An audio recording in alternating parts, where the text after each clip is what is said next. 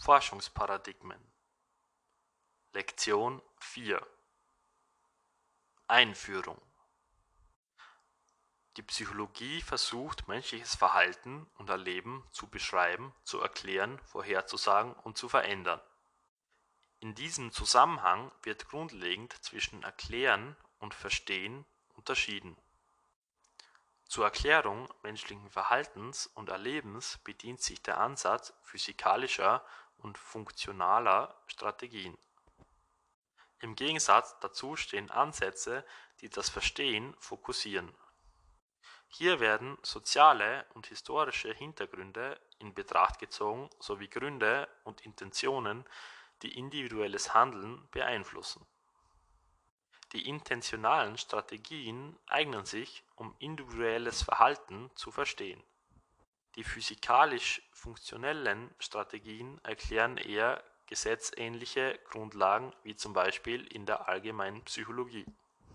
Beim nomothetischen Forschungssatz sprechen wir in dem Zusammenhang vom sogenannten Between-Subject Design und beim ideographischen Forschungssatz vom sogenannten Within-Subject Design beim Between-Subject-Design wird jede Versuchsperson einer Stufe der unabhängigen Variable zugeordnet.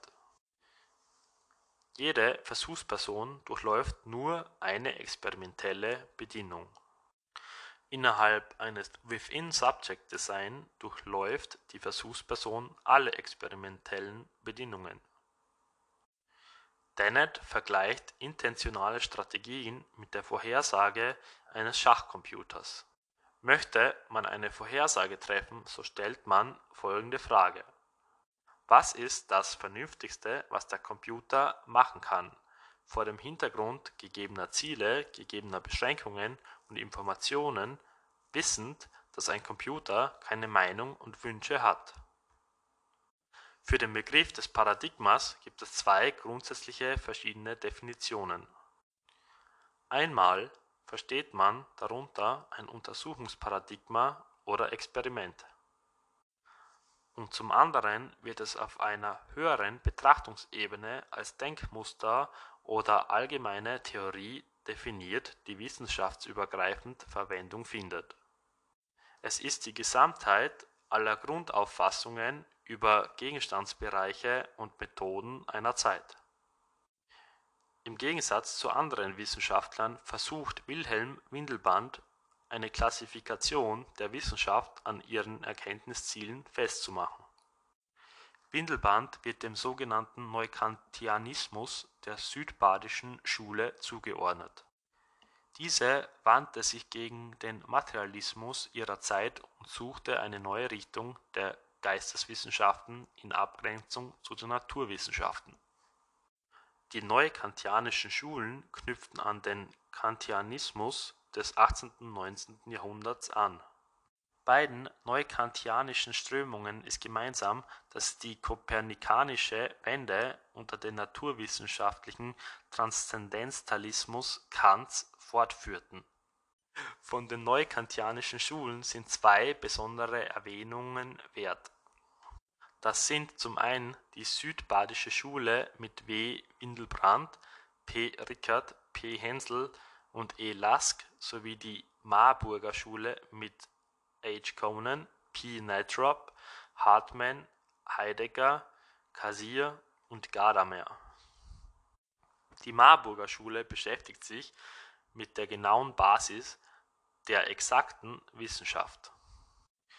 Ihre Anhänger vertraten einen methodischen Idealismus und lehnten die Existenz eines Dings ab. Für sie gab es zwei Quellen der Erkenntnisanschauung: Materie und Verstand (Form). Die Marburger Schule wollte alleine über Begriffe und die Mathematik zu Erkenntnissen kommen. Die Außenwelt wird demnach durch das Bewusstsein erkannt hier erkennen wir auch den Unterschied zwischen der Badischen und der Marburger Schule. Während die Vertreter der südwestdeutschen Schule den Begriff und die Methode der Geisteswissenschaften entwickelten, fokussierte sich die Marburger Schule auf die a priorische Erkenntnistheorie der Naturwissenschaften. Das Begriffspaar Nometisch und ideographisch wurde 1894 zum ersten Mal von Wilhelm Mindelbach anlässlich seiner Antrittsrede an der Kaiser-Wilhelm-Universität zu Straßburg benannt.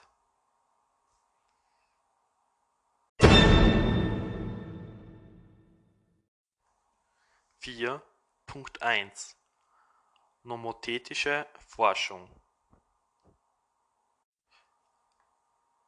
Nometisch griechisch nomos gleich Gesetz, Thesis Setzung benennt die Forschungsrichtung, deren Ziele die wissenschaftliche Erarbeitung allgemeingültiger Gesetze ist. Nometische Forschung arbeitet mit experimentellen Methoden und quantitativer Auswertung. Dieser Ansatz fokussiert molekulare Verhaltensweisen wie einzelne Reaktionselemente oder Muskelkontraktionen die im Zentrum der Untersuchungen stehen. Die Sammlung vieler Einzelbefunde ermöglicht Informationen über die komplexen Abläufe im Menschen. Zu den bekannten Vertretern dieser Forschungsrichtung gehört Eysenck, Hull und Cattell. Diese drei bedeutenden Wissenschaftler der Persönlichkeitspsychologie Hans-Jürgen Eysenck, Raymond Bernhard Cattell und Karl Hall gehen von der Idee aus, dass die individuelle Persönlichkeit aus einer einzigartigen Kombination von Eigenschaften besteht. Die Faktorentheorie betrachtet die Persönlichkeit als Raum mit einer bestimmten Anzahl von Dimensionen. Die Faktorenanalyse extrahiert diese Dimensionen der Persönlichkeit aus empirischen Fragebögen oder Beobachtungsdaten. Der lerntheoretische Ansatz der Persönlichkeit von Hull geht von der Annahme aus, dass nicht die Gene, sondern die Umwelt die Persönlichkeit entscheidend beeinflusst. Die gezeigte Verhaltensstärke 5 eines Menschen setzt sich aus der Faktoren Triebstärke und Habitatstärke, also als Produkt aus Belohnung oder Bestrafung und Gewohnheiten zusammen zu den bedeutendsten Forschungsmethoden der nometischen Ansätze gehören das standardisierte Laborexperiment und der vorstrukturierte Fragebogen. Ihre Ergebnisse werden mit Hilfe von entsprechenden statistischen Verfahren wie zum Beispiel Korrelationsstatistik oder Faktorenanalyse ausgewertet und zu hypothetischen Konstrukten zusammengefasst. Wilhelm Kamler bezeichnet nometische Ansätze als empirische Allaussage und unterstreicht damit nochmal deren gesetzesähnliche Charakter. Nometische Theorien abstrahieren von den Phänomenen induktiv, wenn es zum Beispiel um die Formulierung von Theorien und Hypothesen geht. Für die zum Beispiel experimentelle empirische Überprüfung von Hypothesen und Modellen werden jedoch eher deduktive Vorgangsweisen benutzt, die vor allem mit nometischen Ansätzen und der Naturwissenschaft assoziiert werden. Ein typisches Beispiel für nometische Forschung in der Psychologie ist das Fünf-Faktoren-Modell der differenziellen Psychologie Ausgehend von der Sedimentationshypothese, dass sich alle wichtigen Persönlichkeitseigenschaften in Eigenschaftsworten der jeweiligen Umgangssprache widerspiegeln, entstand der lexikalische Ansatz. In alltäglicher Interaktion können sich nach diesem Ansatz wichtige Persönlichkeitsmerkmale in der Sprache wiederfinden, daher die Bedeutung der entsprechenden Begriffe korreliert mit ihrer Häufigkeit die verwendete empirische Methode ist die Faktorenanalyse, die die fünf Persönlichkeitsfaktoren aus den Daten extrahiert. Die Ergebnisse bestätigen die Sedimentationshypothese, dass die Anzahl der genannten Begriffe entscheidend von ihrer Bedeutung abhängt. 4.2 Ideographische Forschung Bedeutsam für die Wahl des Forschungsansatzes ist es, was man über einen Forschungsgegenstand wissen möchte. Trotz des nometischen Mainstream-Denkens hat sich daher stets eine Minderheitsmeinung in der Persönlichkeitspsychologie gehalten, die eine stärkere Fokussierung des Individuums als Analyseeinheit fordert. Die Wende von der nometischen Forschung hin zu ideographischen Ansätzen als gleichberechtigte Alternative ist auf den modernen Interaktionismus in der Persönlichkeitspsychologie zurückzuführen. Er geht davon aus, dass menschliche Erleben und Verhalten aus der Interaktion der Persönlichkeit mit einer Situation vorhersagbar wird. Die Entwicklung einer ideographischen Methodologie integriert den individuellen Anteil der erhobenen Daten in Form von systematischer Kovarianz von Situationswahrnehmungen und daraus resultierendem Verhalten. Das Verhalten eines Menschen ist aus der Perspektive dann kohärent, wenn Verhaltensunterschiede systematisch mit unterschiedlicher Situationswahrnehmung kovarieren Je mehr Unterschiede eine Person wahrnehmen kann, desto größer ist die Verhaltensänderung zwischen den Situationen.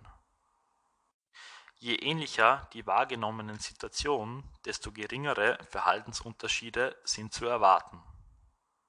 Hier wird vom Verhalten rückwirkend auf den Inhalt der Blackbox geschlossen, genauer gesagt die individuelle Wahrnehmung. Insgesamt kann der moderne Interaktionismus als dualistische Leib-Seele-Konstellation betrachtet werden. Empirische Befunde von dem Hintergrund des idiographischen Ansatzes sind bei Hermanns (1988) sowie Lippa und Donaldson (1990) zu finden. Das zentrale Paradigma idiographischer Forschung muss stets die Frage sein, ob ein individuelles singuläres Ereignis mit Sicherheit und mit welcher Wahrscheinlichkeit eingetreten ist. Die ideographische Wissenschaftsforschung greift dazu auf folgende Prinzipien, Regeln und Methoden zurück. Prinzip der Mehrfachsicherung Ein Test ist kein Test. Der Replikation von Testergebnissen kommt daher eine große Bedeutung zu. Erkenntnisse werden durch unabhängige Quellen abgesichert dieses wichtige Validitätsprinzip wird auch als Prinzip der Mehrfachsicherung bezeichnet. Prinzip maximaler Wahrscheinlichkeit Ist die Wahrscheinlichkeit für ein singuläres Ereignis gegenüber möglichen Alternativhypothesen groß, lässt sich daraus das Prinzip maximaler Wahrscheinlichkeit ableiten. Prinzip maximaler Erklärungswert das Prinzip erklärt den Grund zum Wahrscheinlichsten, der die meisten Sachverhalte seiner Erklärung integrieren kann. Prinzip logischer Folgerung Lässt sich ein Sachverhalt logisch aus anderen empirisch gesicherten Sachverhalten ableiten, so kommt diesem Sachverhalt ein hoher Beweiswert zu. Prinzip widerspruchsfrei zu Feststehendem eine Vermutung wird so lange aufrechterhalten, wie nichts gegen sie spricht.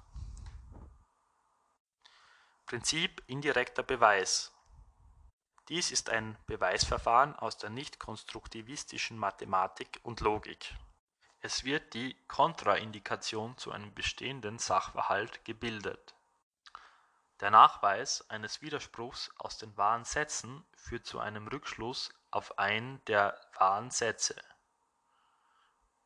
und der andere wahre Satz muss demnach über den indirekten Beweis wahr sein. Prinzip Augenschein und Beobachtung Das Prinzip des Augenscheins prüft mittels verdeckter Beobachtung auf sichtbare Verhaltensmuster. Prinzip Herstellung Modell Experiment bei diesem Prinzip wird mittels Herstellung einer Situation oder eines Experimentes ein Nachweis über die Existenz von etwas geführt. Eine Drogensucht kann zum Beispiel manchmal nur a posteriori (nachträglich oder später) über Entzugssymptome bei Drogenentzug nachgewiesen werden.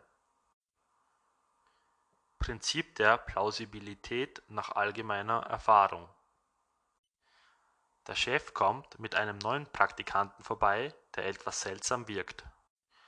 Grundsätzlich könnte das ein ihnen unbekannter, verkleideter Vorgesetzter ihres Unternehmens sein, der an der RTL-Serie Undercover Boss teilnimmt.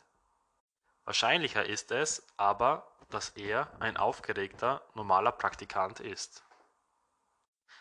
Prinzip wissenschaftlicher Erfahrungssatz Erfahrungssätze sind die aufgrund allgemeiner Lebenserfahrung oder wissenschaftlicher Erkenntnisse gewonnene Regeln, die keine Ausnahme zulassen und eine an Sicherheit grenzende Wahrscheinlichkeit zu Inhalt haben. Prinzip Brückenkopferweiterung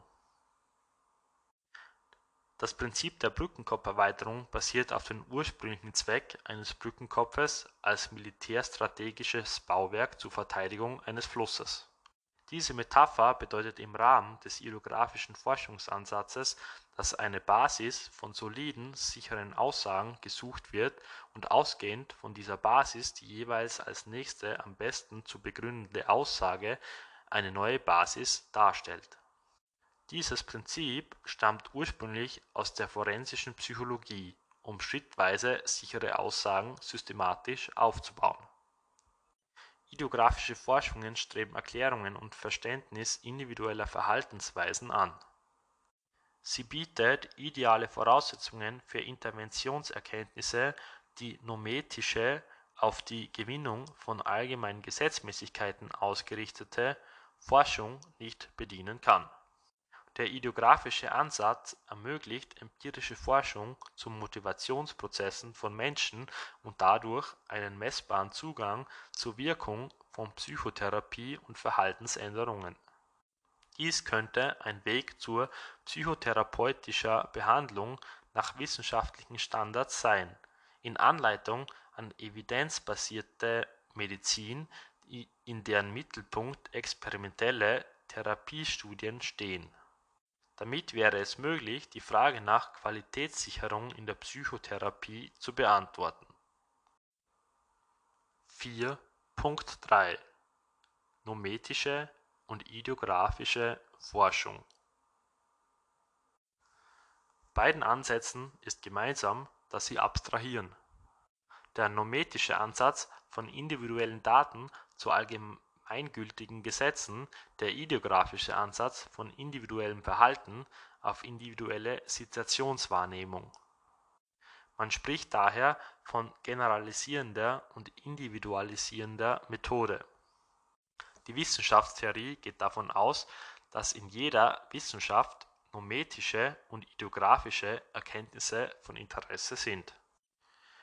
Dies gilt im Besonderen auch für die Psychologie, die qualitativ und quantitativ mit inter- und intraindividuellen Unterschieden arbeitet, um Gesetzmäßigkeiten zu finden. Windelbrand vertrat die Auffassung, dass die Geisteswissenschaften vorrangig ideographisch und die Naturwissenschaften primär nometischen Ansätzen folgen. Die Psychologie findet ihre Stellung hier als Zwitterform die geisteswissenschaftliche Ansätze mit naturwissenschaftlichen Methoden erforscht. Kommen wir nun zu einem Vergleich nometischer und ideographischer Forschungsansätze. Nometisch naturwissenschaftlich, ideographisch geisteswissenschaftlich. Nometisch Labor, ideographisch Feld. Nometisch deduktiv ideographisch induktiv, nometisch partikulär, ideographisch holistisch, nometisch explanativ, ideographisch explorativ, nometisch ahistorisch, ideographisch historisch, nometisch erklären, ideographisch verstehen nometisch harte Methoden, ideographisch weiche Methoden. Nometisch messen, ideographisch beschreiben. Nometisch Stichprobe, ideographisch Einzelfall. Nometisch Verhalten, ideographisch erleben. Merke, für die Psychologie bedeutet das, dass nur das als psychologisches Wissen akzeptiert, was mittels empirischer Überprüfung vor dem Hintergrund psychologischer Gesetze oder mittels der Prinzipien des idiographischen Forschungsansatzes als wahr bewiesen wurde. Zusammenfassung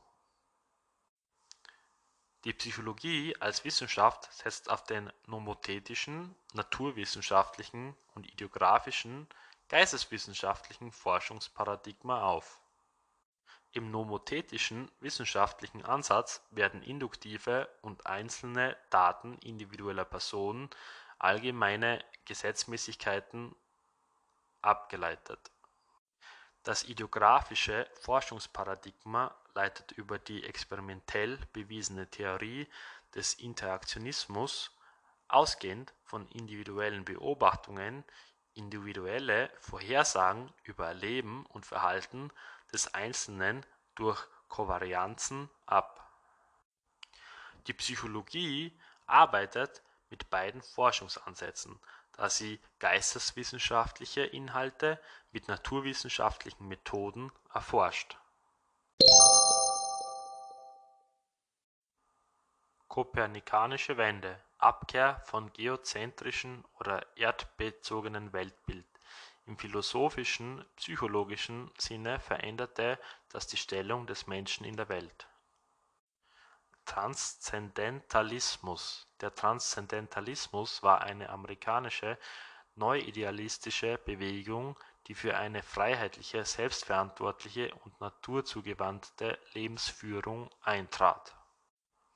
A priori von vornhinein oder grundsätzlich. Molekular Molekular bedeutet die Moleküle betreffend, eine Molekül ist die Verbindung zweier oder mehrerer Atome. Faktorenanalyse Faktorenanalyse ist eine multivariante statische Methode, die eine Vielzahl von Variablen auf einige wenige abstrakte hypothetische Variablen reduziert und alle Faktoren, die Gemeinsamkeiten zwischen den Variablen beschreibt. Korrelationsstatistik. Die Korrelationsstatistik gehört zu einer Gruppe von Zusammenhangsmaßen, die das gleichzeitige Auftreten zweier quantitativer Merkmale angibt. Fünf-Faktoren-Modell Das Fünf-Faktoren-Modell (FFM) oder auch Big Five ist das allgemein anerkannte internationale Persönlichkeitsmodell. Es umfasst Extraversion, Offenheit, Verträglichkeit Gewissenhaftigkeit und Neurotizismus. Kovarianz Eine Kovarianz ist ein statistisch betrachtet ein Maß für die gegenseitige Abhängigkeit von zwei Variablen. Validität Die Validität beschreibt die Genauigkeit, mit der ein Test misst, was er messen soll. Konstruktivismus Der Konstruktivismus ist eine Position der Erkenntnistheorie Sie geht davon aus, dass Erkenntnisse erst im menschlichen Betrachten durch Wahrnehmung entstehen. A posteriori (nachträglich oder später). Forensische Psychologie Die forensische Psychologie ist ein Teilgebiet der Rechtspsychologie, sie wendet psychologische Theorien, Methoden, Erkenntnisse im Rahmen der Gerichtsverfahren an. Evidenz Die Evidenz bedeutet so viel wie faktisch, unumstößlich oder Gewissheit Zwitter, Lebewesen, das zwei geschlechtlichen Eigenschaften nach weiblich und männlich ist